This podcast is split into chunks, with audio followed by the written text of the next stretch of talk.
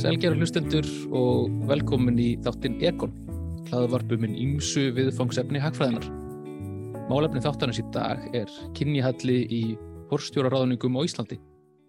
Árið 2021 kom út rannsókn um þetta efni sem nefnist horstjóraráðningar í þjóðastlega mikilvægum fyrirtækjum, kynnihalli, útlokun og ófagleg ráðningaferli.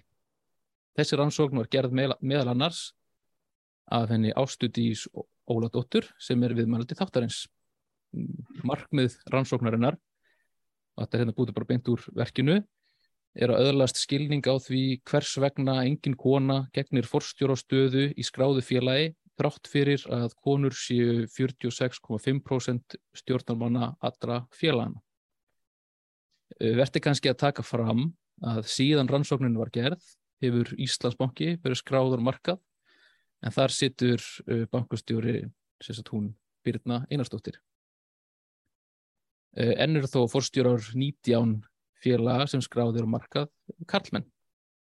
Uh, hún er komin til okkar, hún Ásta Dís Óladóttir til að ræða meira um þessa rannsók. Þetta er sælasta. Sæl. Takk fyrir að koma og hérna, ræða um rannsóknarnir þína hérna í þetturum. Já, takk fyrir að bjóða mér.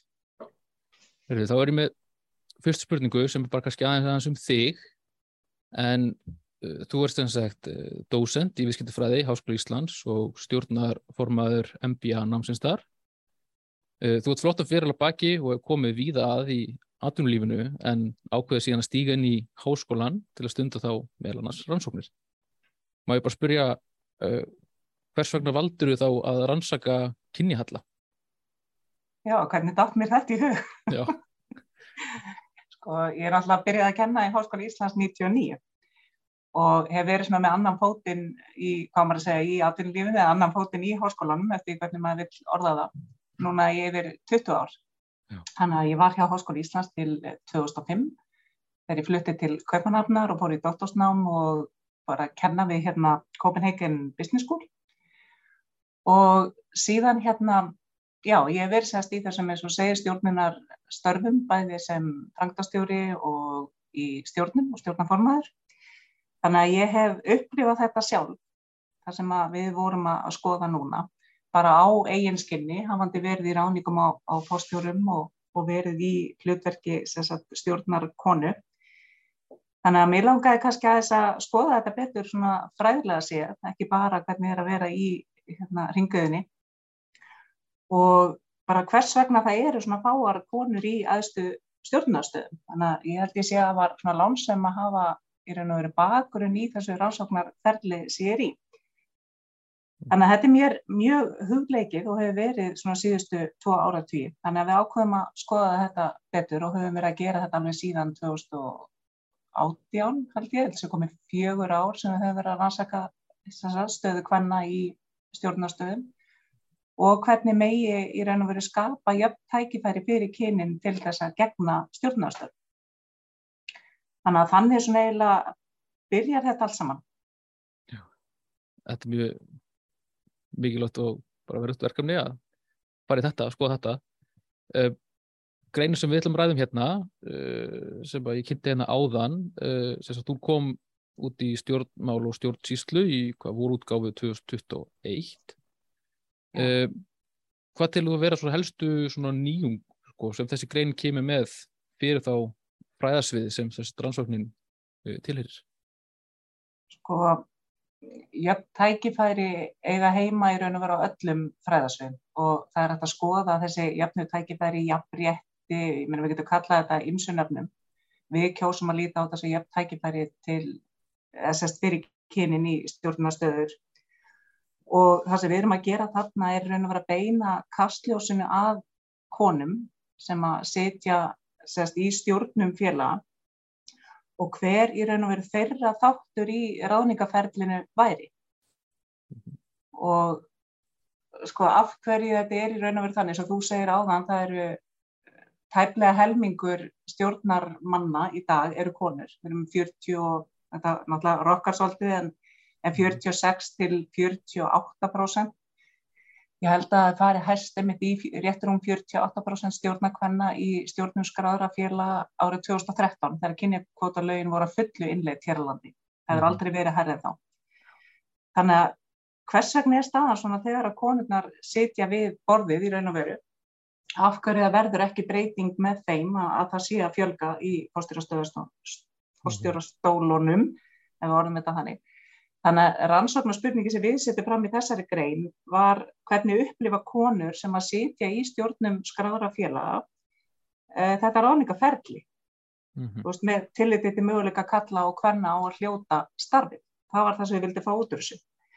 Þannig að í raun og veru sko, framlægið og nýnæmi þessara rannsóknar snýra því að þannig erum við að tala við konurnar sjálfar sem að sitja í stjórnunum sem mhm. koma að þessu ferli og hver er þeirra sín, þeirra tilfinning og þeirra upplifin á því sem er í gangi. Það er mhm. eitthvað sem hefur ekki verið gert áður. Þannig að þetta eru þjóðarslega mikilvæg fyrirtæki, þetta eru stóru félögin á, á markaði. Þannig að mm -hmm. það mhm. skiptir óslega miklu máli að fá sínina þeirra en auðvitað þurftum að fá kallana líka. Mm -hmm. En mhm. við byrjum á þessu og það er kannski svona, er í raunum verið vegna þess að við gerðum rannsók 2019 þar sem við töluðum við annan hóp hvenna og þar var einmitt bett á það að konurnar sem sæti í stjórninni væri raun og verið ekki að standa sér nógu vel. Þannig að við vildum heyra þeirra hlið, það er verið að gaggrina þær fyrir að standa ekki lafinnar eins og var orðaði þeirri rannsók. Mm -hmm. Og þess vegna raun og verið fyrir við þessa leið að tala við þær og það er raun og verið það sem er nýtt, er að fá þeirra sín á ráðningaferlið sjálft, af hverju þetta er ekki að ganga. Mm -hmm. Einmitt, einmitt, sko Mér finnst sko, sko áhófra punktur sem komi líka í greinni hjá okkur og, hérna, að þið segja að þið þurfa að taka tillit, oftar tillit til þess uh, að í sem sagt, já, það séu sko færri konur oft í þá potti líka mögulegra viðmælanda um uh, stjórnundastöður í þá ráðningaferlum mm -hmm. og því sem sagt höfundar uh, greinarinnar uh, telliði að geta verið vegna þess að sko, kynjahallin byrjur raun fyrr sagt, heldur en þegar að vera að ráða í stjórn félaga mm eh, sem sagt bara þá konur hafi ekki þá bara sama aðgang að, ústu, að sama aðgang og karlmenn sko, að störfum sem síðan leiða til aðstu stjórnstaða sko. Þannig að komum við bara að spyrja sko, hérna, e, þegar talaðum þá að kynja allir í ráðningum uh, stjórnstarfa byrji fyrr Mm -hmm. Sko eru þið þá að tala um að hann sé bara að byrja þegar fólk fyrir fyrstin og vinnumarkað eða eru við þá bara að tala um eitthvað sem til að vera bara mynd og djúb stæðara í samfélaginu öllu? Sko það er að horfa á þetta frá svo mörgum hliðum og það er svo margt sem hefur breyst núna bara á undarförnum árum og áratugum. Ef við lítum til dæmis til mettunar, við sjáum að mhm. helmingur sko hverna á aldrinum 20 til 65 eitthvað slúið sem er háskólamettir í dag. Mm -hmm. uh, Háskóli Íslands, brauðskráning, ef við horfum á hana bara Háskóli Íslands, það er 70% brauðskráður eru konur. Já. Þannig að við erum að sjá óbáslega mun í því að við erum að fá sagt, mjög vel mettar konur. Þetta var alltaf þannig, heyrðu, þú ætti að náður í háskólamettu. Ef þú ætlar að hérna, gera eitthvað, þú ætlar að ná okkur um árangri, þú ætlar að náður í háskólamettu. Uh, það er algjörlega komið. Hins vegar það sem við erum að skoða kannski þátt í þessari grein og, og rannsóknir ellendis frá að vera benda okkur á er að til dæmis varandi stjórnendarleik að við erum fyrst og fremst að horfa stjórnendur þarna. Mm -hmm. af hverju konum það, það er ákveðin hindrun, það komast ekki lengra, komast ekki á toppin og við erum að sjá til dæmis sko uh, rannsóknir ellendis frá sem sín okkur að konur vilist vera útilokaðar á öllum stegum Það er að segja að þegar verið að gera personisni, það eru úrtakslistun, þegar verið að kynna kandidata hérna, fyrir stjórnum að mm. þá eru færri konur á listunum með við rannsóknum ellendisbrá. Uh, og þetta kom líka ítrekka fram hjá okkur að stjórnarkonur þess að við rættum við, þetta eru 22 konur sem er helmingur allra stjórnarkvæðina í skráðum félagum í Íslandi, mm -hmm. að þær voru að upplifa það sama. Að þær voru ekki að sjá eins mörg nöfn hvenna á listum til dæmis frá ráningastofum eins og var sérst nöfn kalla. Mm -hmm. Og Við höfum líka síðan til dæmis uh, niðurstöður ansóknar frá hérna, Svíðjóð, Finnlandi, Östuríki að það er verið til dæmis að bera meira saman sko konur við eitthvað ímynd af kall stjórnenda. Mm -hmm. þær er að fitta við þessa ímynd ef ég má sleppa þess mm -hmm. frekar en að þær væri svona metnar af verleikum og þar með eru karlmenn orðnir svona sjálfgefin viðmið mm -hmm. og þetta verður svo kall þá fyrtar einn Svona hugmyndin að svona, svona góðum leiðtóa sé rauninni sem að er karlægt eða eitthvað sko veist, þetta, já, það, það er þessi gamla ímynd sem að var. Já, já, ég finnst hún hefði að hafa breyst. Mm -hmm. það er ótrúlega maður sem hefur breyst en þetta er það sem að rannsóknir erlendusbráður að sína okkur. Og sko ráðningaferðli fórstjóra, ég menna þetta byggist á mjög oft á headhunting, svona stjórnmenda leit sem að ráðningastofur er að, að stýra. Mm -hmm. Þannig að ráðgjafafyrirtæki er ofta að koma að þessari vinnu Já. og það er ekki verið að auglýsast á stöður til dæmis. Nei. Þannig að þú sérð ekki oft uh, fórstjóra stöðu til dæmis gráðsfélags, hún er bara ekki auglýst. Og mm. þetta, það var svo margt sem kom fram í þessu varandi með þetta ferli að það þyrti kannski að skoða það að auglýsa stöður vegna þess að eins og þær sögðu margar, konur freka býða, þær vilja vera í þessu ramma, þú veist, þær vilja sjá auglýsinguna, þær vilja máta sig við auglýsingu, að meðan að kallandi takk upp síman og hei, ég hef áhuga á þessu stöðu, mm -hmm. ég vil vera á þessum lista, viltu hérna, setja mig í púlíina, sko. Mm -hmm. Þannig að það, er, það var svolítið svona munur og það er betur líka á og að hérna að það eru, eins og ég sagði áðan, sko, færri konur á þessum listum þannig að það er kannski minna úr að velja á endan mm -hmm. fyrir stjórnir mm -hmm. heldur en ef þetta væri sérstu opið ferdi og allir hefðu tækifærdi að segja mm -hmm. og þetta er eitthvað sem að, að mínum að þið þyrti að skoða betur hérna ætti það að vera eitthvað skonar skilda að auglýsa stöður Já. ætti við að horfa meira til þess sem að gert er til dæmis í ofinbæra geranum að það er á að auglýsa svona stöður myndi það breyta eitthvað og skiptir það máli í raun og veru fyrir fyrirtæki hvort að staða sig auðvist eða ekki mm -hmm. Vist, hvað er, hvaða máli skiptir það við spurðum einmitt að þessu og fengum þau sögur að þetta var oft hérna, þetta var í viðkvæmt vegna þess að félagin eru auðvitað skráð á markaði, markað og að, svona, að margt sem býra baki að mm -hmm. það ætti ekki að hérna, rugga bátnum of mikið En þetta er eitt af því bara sem komu upp og við náttúrulega tökum bara það sem að fólk er að segja við okkur og, og hérna, veltum því fyrir okkur. Nú, uh, þú spörir, þú veist, er þetta kannski að gerast fyrr? Ef við horfum til dæmis á næsta lag fyrir neðan fástjórnuna sem er framkvæmtastjórnir félaga, að nú er við til dæmis með þessi, svo sagði, 20 félög, það er staða 19.1, við erum með 20 félög í kaupöldinni og það eru 5 félög sem er ekki með eina koni í framkvæmtastjórn. Við erum með 25% félaga sem hafa enga konu í frangotastjórn og ekki fórstjóra heldur.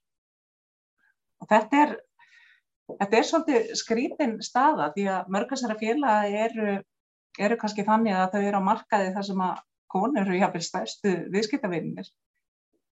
Þannig að mann finnst það svolítið undarlegt. Að vísu breytist það núna, ég held að sé bara cirka, já, kannski tíu dagar, tvær vikur síðan að síminn réðinn eða breytti sínu skipurreiti Þannig að síminn var eitt af þessum félögum sem var ekki með eina konu í, í frangatastjórn. En þeir breyttu skipurutinu sín og réðin tvær konur í hérna frangatastjórna, þannig að það er smá breyting þar. Mm -hmm. Og við vorum svona, eftir þessar rannsóknir hérna 2019, þessi byrti síðasta sumar, 21, að þá svona, herði, nú er eitthvað að fara að gera, sko. Og hérna, Gemma Q, fyrirtæki sem hún Freyja Þórahinsdóttir á, sem að hérna er með kynjakvarðan fyrir einmitt skráði félagin og er byrtin á hérna til dæmis keldunni. Að hérna þar er mælingin, eða gera þau mælingu á sagt, stjórnum uh, fástjórum hvernig hlutfall stjórnar og stjórnarformans frangværtastjórnar og annað. Mm -hmm. og þau mæla segast þetta kynniðjabriti og í september til dæmis 21 að þá var hlutfall benna í frangværtastjórn 29% Svo þegar við fórum að skoða þetta í mars núna, þá var það komin í 25,8%, eða 26%, þannig að það var að lækka. Þannig að maður heldur eitthvað nýjan alltaf sko, umræðan um jafnbryttismálinn, umræðan um heyrðu það þarf að gera eitthvað, að dropin svona hóli steinin, en þetta virðist -hmm. taka alveg óbúslega langan tíma, mm -hmm. því miður.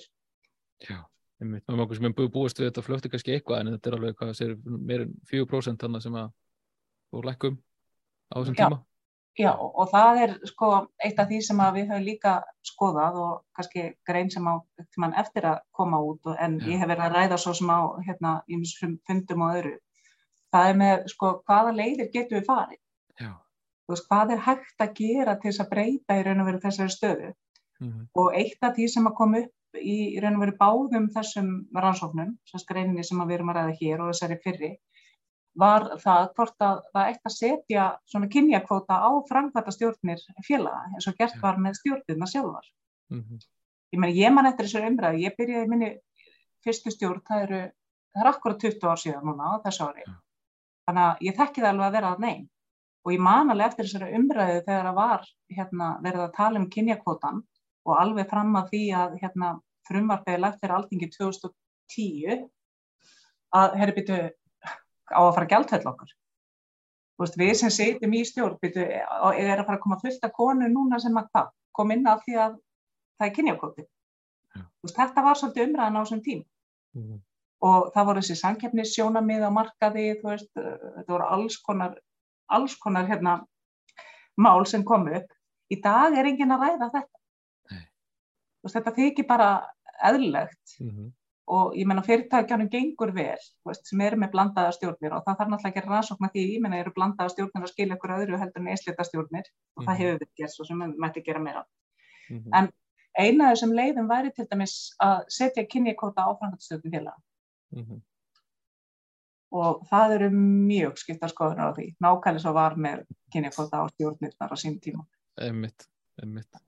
Uh, en þetta er einn leiðin sem hægt er að fara, að Já.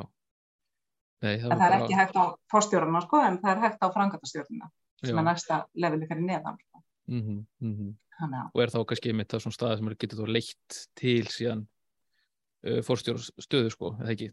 Jú. Jú. En mér langar aðeins þá bara fara aðeins að spyrja aðeins út í, sagt, aftur út í greinina og, og aðeins út í sko aðfrafræðina sem þú notar. Mm -hmm. um, þetta er sem sagt uh, svona eigindleg aðfrafræði sem tekin eru við töl við, að þú sagði hérna áðanum 22 konur sem starfa í stjórnum skráðra félag á markaði uh mhm. -huh. og úrtæki spannar um mjög flott úrtæk sko og spannar öll fyrirtæki og næri yfir hvað helming allra hvenna sem sitja á stjórnum Já. félag á þessum tíma uh, mér langar það bara að spyrja sko, getur þú kannski lísta þess bara sjálfur aðferðfræðinni sem að þið beitið og þá sko hvort þetta sé líka þá aðferðfræði sem er almennt notuð í þessum uh, rannsóknum og hvort þú telur þá að þetta sé þá vera veist, besta eða allavega góð leið veist, til þess að rannsaka kynjahalla er mm. þetta leiðin sem að til þess að rannsaka þetta mm -hmm. Já þess að ég sagði þessi 2019 rannsók þetta var spurningakonnun sem við lögðum fyrir meðal hérna hvenna sem eru í félagi hvenna í aðlýfinu og svo etc. félagskapur og þetta eru sérst annarkot fyrirtækjaeigandur eða konur sem eru í svona áhrifastöðum í aðtöluðinu, bara í samfélaginu. Og þar lögum við semst fyrir þennan spurningalista sem við vildum fá bara svör við alls konar spurningum. Og þar kemur meðlans þetta fram, herri byttu, þær eru ekki að standa sem þessar konur sem sitt í stjórnum. Til þess að fá þeirra í raun og veru viðbröð þeirra sín og þeirra svona reynslu af því hvað hefur verið að, hérna, í gangi á þessum tíma að þá ákveðu að taka viðtöl. Mm. eins og er í þessari grein sem við erum að ræða núna.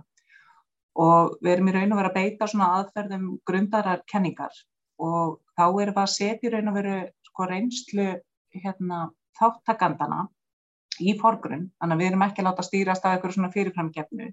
Þá í raun og veru við séum að taka og bregðast við því sem hinnar konunar sagðu en það að beita á svona viðtalsrannsókn að það leiður mann að fara á dýftina mm -hmm. þannig að það er geta svona í raun og veru sagt okkur miklu meira um sína upplifun af að því nú erum við að tala um ráðningaferli af hverju er ekki fleiri konur af hverju er það að þeirra mati? Og að mínu, allavega fyrir mitt leiti að þá er þetta svona einn besta aðferðin sem að hægt er að nota til þess að fá fram einmitt reynslu þáttakandana sem eru í rannsókninni. Mm -hmm.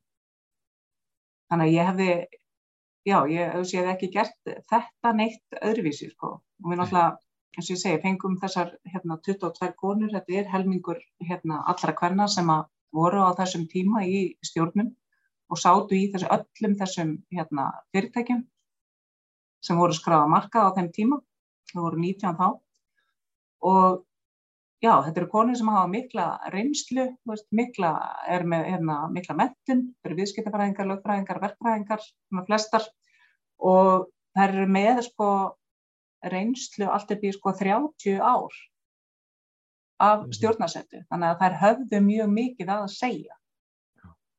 og það er það sem er líka svo skemmtilegt við þessa hérna, áþærafræði að, að þú, þú færð svo óbáslega mikið og svo djúft eða getur fengið svo leiðis mm -hmm. þannig að þetta var virkilega skemmtileg vinna þó þetta hafi verið í glampandi sólum sömar það var allavega ekki hérna, það var ekki leðilegt Nei, þetta er mjög áhugaverð rannsókn og mjög sko, nýðustöðukaflun líka bara mjög sko, áhugaverð bara lesning sko. Uh, og það var þú veist, hann var sem sagt þá var það bara umfjöllun um þá uh, hvað sko hvað kom úr, nið, úr hérna viðtörunum mm. og þið skiptið þessu hvað í undirflokka sagt, fyrst uh, var fjallað um það sem snýri að sagt, það sem snýri að þá ráðningaferlinu sjálfu og það var sérst flokka niður og svo var síðan sem setjum flokkunin um það hvað sérst snýri að ákvörðurinni sérst sjálfri. Um, einmitt sko í umræðanum ráðningaferðlið uh, fengum við með ráðningaskrifstofur á hérna sko, það fengum frekar sko slæma útreið sko og, og ég vera að tala var talað um að þarna að suma þessu ráðningaferðlum hafi verið, verið svona hálfgert sko leikrit bara uh, hvaða álegtun draugur af þessum frásögnum, það er slíku frásögnum. Já, ég er alveg samála því að það ráðningarskristöðuna fengur mjög slæma útrið en þetta er reynsla því miður margara kvanna sem að hafa tekið þátt í þessu ferli þannig að var, þetta var bara þeirra saga sko.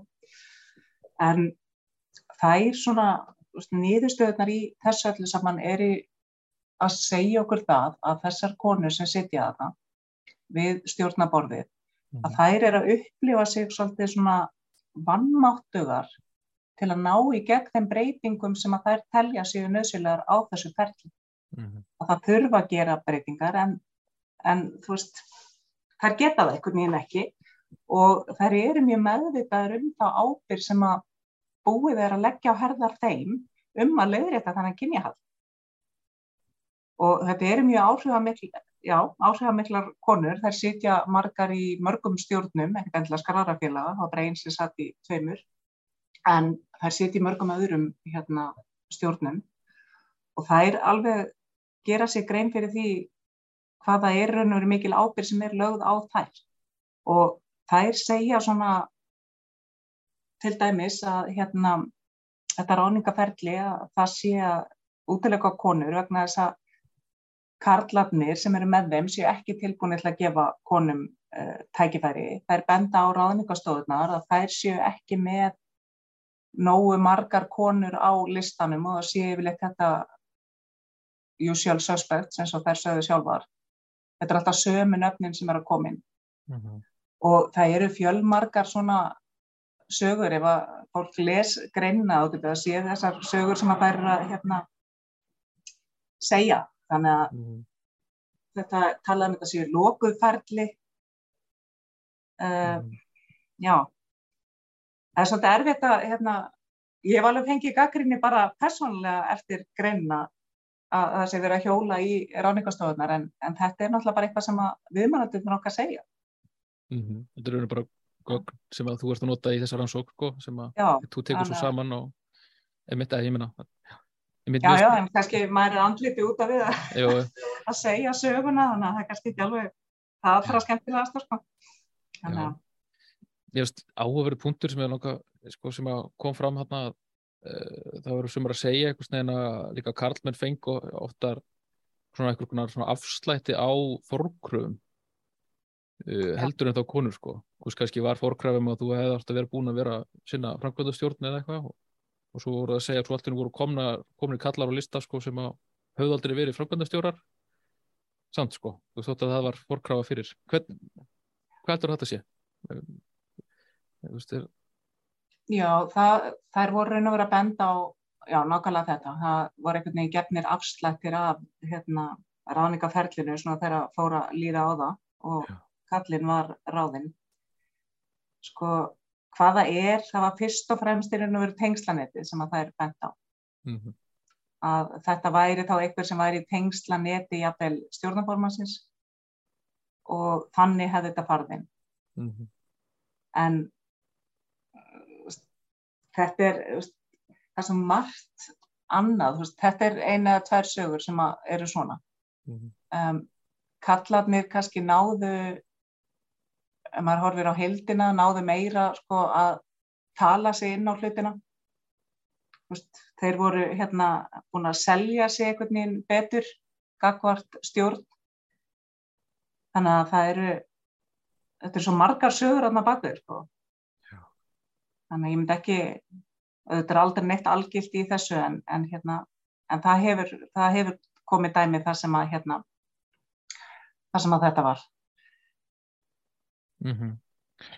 uh, og þá út frá því sem ég skildi þá er svarið uh, að ekkur liti allavega hana til þess að það var bæta kynnihallega í stjórn fyrirtækja eða markaði mm. að þeim eitt Karlmenn beiti sér sterkar fyrir þessum breytingum eins og hvort líka á hann hérna inn á áðan eða sem sagt að, sem sagt að, að vinna að þá bættu jafnbræði milli kynjana er ekki bara þá hvenna verk sko.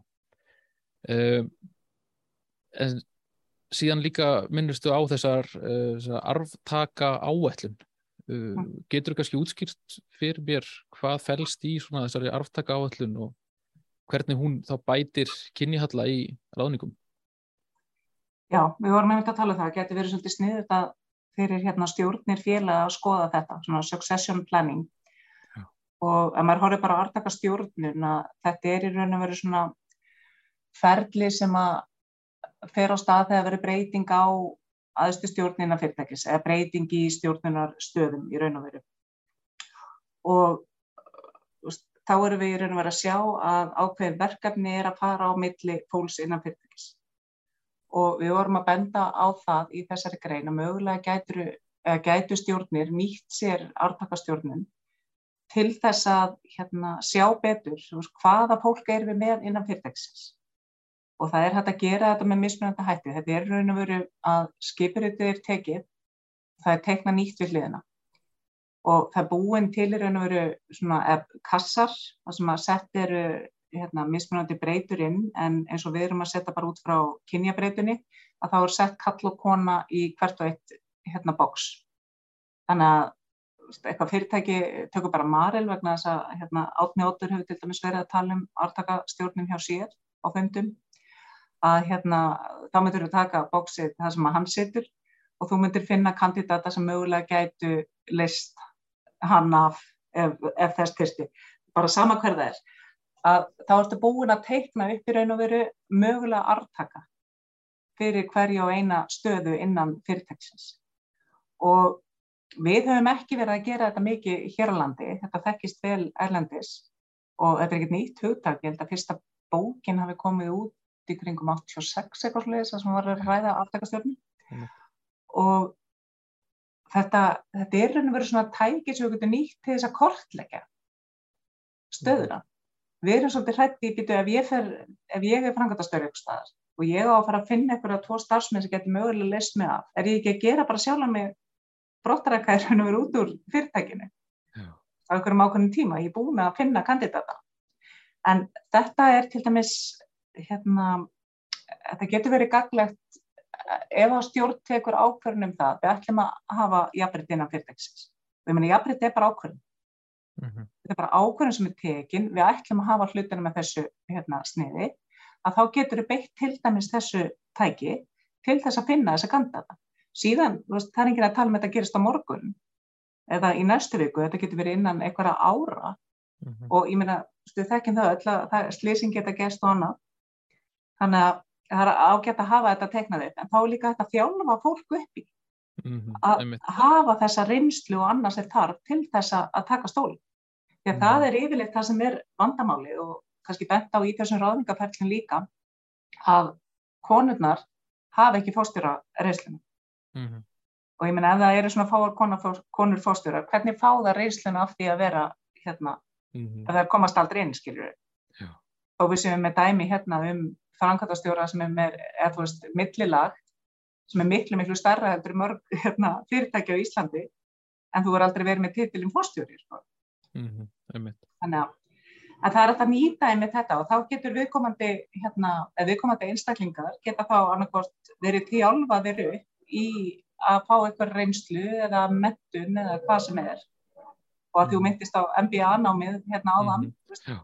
þetta er eitthvað sem við horfum á býtu, er þetta hérna búa til eitthvað prógram með fyrirtækjum þess að bæta þessa tekkingu sem þarf inn í félagi í mhm. gegnum mm -hmm. þá svona orðtakastjórnun og, og hérna áallanir Já og ég held að það sko sé miklu en þurft að vera miklu meira um þetta í fyrirtækjum í Íslandi að þetta sé gerst mm -hmm. að það sé verið að velta þessu fyrir sig, ég meina það eru það er farið í gegnum alls konar mál í dag og setur í stjórnfélags það er endurskoðunemnd, það er hérna jafnbrytisnemnd, það er starfskjarnemnd, það er hitt og þetta mm -hmm. hvar er þessi pæling? Veist, hver getur tekið við hlutverkinu ef eitthvað kemur upp á? Einmitt. Hvernig á fyrirtæki að þróast á næsta árum? Hvernig er umhverfi? Hvernig getur við haft áhrif? Þannig að þú ert raunast að segja bara veist, til þess að bæta úr þessu eitthvað litið að myndi allavega hjálpa verulega að, að, að ákvörunin þarf alltaf fyrst og fremst að standa fyrir sko að borstjórar og framkvæmdastjórn sé samálum það að þurfa að ná jafnbræðið millikinja í stjórnarnstöðum mm -hmm. og svo bara skiplag og bara skipulega það ekki þá bara hvernig það, þá að vera náð. Jú, ég reyna að vera, ég meina þetta er eina af þessum tremur leiðum sem við höfum ja. Ég talaði um kynjakótan hérna áðan mm -hmm, uh, önnulegin er þessi það er bara, ég reyna að vera stjórnsettur hérna, eða tekur þessa ákverðun um það mm -hmm. að það ætlar að hafa jafnbreytti að fullu innan síns fyrirtækis mm -hmm. og það er hægt að gera það með artakastjórnum mhm. Þannig að það er eina, eitt af tækjónum sem að stjórnir hafa til þess að gera þessa breytingar raun og veru. Já, síðan er það þriðjarleginn sem við talaðum og það er að sko, fjárfæstarnir stóru, að því við erum að tala um skráðfélög, að mm -hmm. þau eru nú að mestu í, eða, miklu leiti í eigu lífeyrissjóða. Mm -hmm. Þeir eru ansið stórir í, hérna, á hlutafalista flestara félaga. Að þeir fara að setja sko, ákveðna stefnu líka og segja, við ætlum ekki að fjárfæst í félög nema þetta setja staðar. Mm -hmm. nema þú veist að það sé verið að vinna í jafnbretti og, og það sé gert eitthvað með þessa þætti mm -hmm. og það passar einhvern veginn við þessi 20 fjölu og það að 25% sé ekki með eina koni frangatastöð sko. Svo, svo, svo samfélagsábyrð fjárfesta þegar þannig Já, já, bara í raun og veru, ég menna við erum að gera það það er, er að skrifa undir alls konar svona stefnur sko. mm -hmm. þannig að þetta er bara eitt þáttur í nýði sko. Já, já einmitt, mér finnst þetta mjög, mjög áhugavert allt saman sko. eh, Annað sem ég fannst áhugavert var sér að í sett, uh, það var ákveður svona tókstreita í uh, sett, sögum sumra kvenna e, sett, í samantektinni frá ykkur kemur fram að sumar sett, sumar frásagnar byrja þannig að það verður útskýra að lýsa ráðningaferlinu og, og það hafi verið bara nokkuð vandað og fyrir gegnsætt þannig, en svo þegar það er hans minnst á sko að það er bjægi uh, kynna hlutfall í stjórnfjöðum er bjagat sko og þá breytist um svona frásögnin sko, og snýst kannski að einhverju leiti bara kvolf sko. fyrir þá meira þá henni fara að tala um þá um uh, þá aðra svona slæmar hliðar í ráðningarferðlum hvað heldur að það, þetta sé?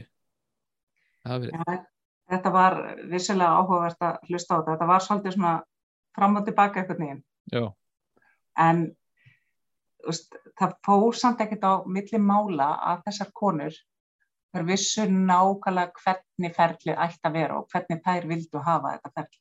Mm -hmm. Það var alveg, alveg skipt sko. Og samt sem áður voru langt flestar einhvern veginn að lýsa reynslu af ferlum, ekki allar, en flestar, af ferlum sem voru ekki nógu fæli. Það hefði mm. mátt gera betur. En þær ætluðu samt eins og kemur fram í greinni að að leggja sitt að mörgum til þess að ferli er því nú faglegt þó svo að væri búið ákveða hverða væri sem ætti að fá starfið sko. þá skildi mm. ferli samt að faglegt það var ekkert að gaggrina stjórnina fyrir ferlið en veist, þetta er bara svona þessi tókstreita, ég meina fólk vil sjá hlutina vel gerða og, og það er bent á eins og ég sagði, jáfnveg þá er vissu hver niðurstaðan yrði, hver útkoman yrði, það var búið að ákveða hvernig þetta ráða í einhverju tilfellana, mm að samt allir þeirra að gera þetta vel. Og það er líka kannski út af þessu að stöðunar er ekki auglistar. Þetta er headhunting, þetta er bakvið tjöldin, þetta er ekki upp á yfirborðinu. Mm -hmm. Þú kannski veist ekki af þessu en samt sko, samt eru dæmi, fórstjóri hættir, það vita allir að það mun taka við nýjir fórstjóri og hvað gerist? Mm -hmm. hvað gerist á þeim tíma sem að kemur tilkynning hérna, við höfum þetta í kallkynni Jón Jónsson er að hætta ferlið er hafið. Það eru miklu miklu færri konu sem taka upp síma og segja, herðu, ég hef áhuga að vera í þessum potti. Vist, ertu mhm. til að setja mig inn það er einhvern veginn virðast vera meira bíða og þetta er bara þess sem að hérna, stjórnakonuna sögðu þannig að veist, við þurfum að hafa þessi jöfnu tækifæri við viljum sjá þau en hvernig ætlum við að gera það mm -hmm. veist, parlega ferlið auglýsa, auglýsa ekki veist, þetta er alltaf svolítið svona þetta er svolítið erfið sko. mm -hmm. en, en svo líka er þú meina þetta er sko að jafna hlut kynja í fórstjóðastöðurum sko. mm. þetta er ekki bara eitthvað tilfinningarög sko. þetta er ekki bara eitthvað svona veist, við erum að tala með um það þetta er líka, það hefur sína svona hagrannu hliðar sko, ég meina það kemur fram í leiðbeiningum um góða stjórnhætti sem er gefið út af því og, og ég meina það var með eigandi hérna í McKinsey hérna, Clemens Hjertars sem var nú kannski bara og maður taka þannig til orða bara alltaf að skamma sjávrútveginn fyrir svo um það byrja mánuðið síðan að var skipað hérna 19 manna stjórn SFS sem bara allt bara karlar sko. Ég er náttúrulega að spyrja, sko, getur kannski útskipt aðeins líka bara hver svona hagranar hliðin er af því að jafnum hlut kynjana í stjórnstöðum? Hann skammaði sjávrútveginn, já. Þetta, þetta var mjög gott og ég ég átti nú að vera fundastjóri hérna hjá þeim á þessum fundi en var með COVID í miður. Þannig að hann fekk mitt hlutverk að skamma þau. Og heiður hún rosa hann nú sérstaklega fyrir að vera stinga á, á kílin að 19.0 þetta er nákvæmlega sama og var í kaupillinni fyrir greinin heiti 19.0 það er eitthvað við þess að tölu sem að er að tripla mig. Að hérna Já, já, ég meina, sko sjávaratugurinn er náttúrulega gríðarlega karlæg aðunumlinn eins og karlægasta sem við þekkjum og hefur verið bara frá öru við alltaf. Og ef við horfum bara á, hérna, ég meina aðeins að nefna það, sko hundra stærstu sjávaratugsfyrirtæki heimi, við hefum tvö á þeim lista, þannig að þetta eru gríðarlega stór félög. Það eru fjóra konur sem að stýra þessum félögum. Ef við tökum helmingin, 50 stærstu á Íslandi sem eru náttúrulega þessi stærstu, þar eru við með tvær konur. Þannig að þetta er nokkur veginn speiklunum bara yfir. Já. Þannig að karlar eru án efa þarna í likil hlutverki í, í sjáordvegi og það er samt, veist, það er að breytast, það er ekkert langt síðan að hérna, bara já, þrjir mánuður mánuð síðan að hérna konur í sjáordvegi letu gera fyrir sig rannsók það sem var að sína einmitt að konum hefði fjölgat en hagrænu áhrifin, ég menna það ég held að það sé allir sammálum það að skipti gríðarlega miklu máli að hafa fjölbyrdileika í rekstri. Að hafa sem jöfnist og nú erum við náttúrulega bara í þessari hérna, rannsókn að tala um eina breytu sem eru kyn. Mm -hmm. við viljum sjá ég er að vera miklu miklu meiri fjölbyrdileika heldur en bara kyn en þú kannski breytir ekki öllu á sama tíma mm -hmm. að við vitum það alveg að fyrir fyrirtæki þegar að koma inn sko það er, fleiri neitt kyn til þannig að við erum með fjölbreytni í því við erum með fjölbreytni í möttun við erum með fjölbreytni í aldri veist, allir þessi þættir sem spilin í mm -hmm. sem að gera í raun og veru umhverfi miklu miklu betra mm -hmm. veist, það er tilfullt að rannsóknum sem sína fram á fjölbreytileikin að hann bæti afkomi fyrirtæki Þannig að við viljum sjá það þannig. Við mm. viljum ekki hafa 90-0 hvort það er í kauphellinni eða í sjávartöknum. Mm -hmm. Við viljum ekki hafa stöðuna þannig. Svona, maður hugsa líka aðeins út í þetta sko að þetta vil maður líka vera með fólk frá sem hefur mismunandi sko, sín og hlutunum mismunandi hugmyndir um mismunandi reynslu til þess að sko, grípa líka bara fá, fá sko, fá bara maður, val á aðgerðum getur bara aukist sko. ef að þú ert með fullta fólki sem að er með allt með svipa er það ekki, svipa bakgrunn og svipa reynslu sko, og þá kannski eru, sko, hugmyndir er að svo svipaðar að þú ert á með kannski þrengri bara ramma af mögulegum áallunum eða mögulegum aðgerðum sem að getur verið gerðar sko. nákvæmlega. Nú sér bara horfðu á fyrirtæki sem er á neytandamarkaði. mm -hmm. Veist, ef þú ert með einsleita hérna, stjórn og einsleita frangatastjórn, Mm það segir sér alveg sjálft. Ertu í raun að vera að þjóna sko hagsmunum viðskiptaðinnaðins? -hmm. Þú veist, þú horfir á hverjir eru kúnarnir, er fyrirtæki að endur spekla í raun og veru, það þarf ekki að vera sko 100%, en veist, að miklu leiti er það að endur spekla markaðin. Mm -hmm. Veist, erum við að, erum við að hérna, að kúnarnir eru bara út fólk og þú ert með hérna, stjórnendur og frangatastjórn sem er allt komið yfir 50, Mm þú veist, ég held að segja sér alveg sjálft, sko. Við viljum sjá þessa fjölbreytti og þess vegna tölum við um jöfn tækifæri, ég finnst það að skipta gríðarlega miklu máli, -hmm. að það séu jöfn tækifæri. En svo getur líka hérna sagt en annað að því að ég náttúrulega nota þetta líka svolítið í kennslunum minni, er að kenna fyrsta ás nefni viðskiptafræði stjórnum. Hvað er góðu stjórnandi og allt þetta og svo fer ég að tala í jafnbryttismálin, hefur farið að líða á viku fimm eða eitthvað í kennslinni Mm -hmm. og þá segir þetta, heyrðu, ok, veist, við erum að berjast fyrir þessu, staðan er svona, veist, það er allt og margi kallar og við viljum fá fleiri konur og eitthvað svona. Og þá kemur bara hérna einn tvítu og segir, hvað, ég hef engan áhuga á þessu, má ég ekki hafa val? Ef ég vil vera heima hjá mér, má ég það ekki með mín börn? Og þá alveg, já, heyrðu, ok, jú, að sjálfsögðu máttu það. Spurningin er, hefur val til þess að geta verið heima eða til þess að vera í einhverju stöði í atvinnulífinu sem þið langar að vera í. Mm -hmm. Er hægt að velja, getur það?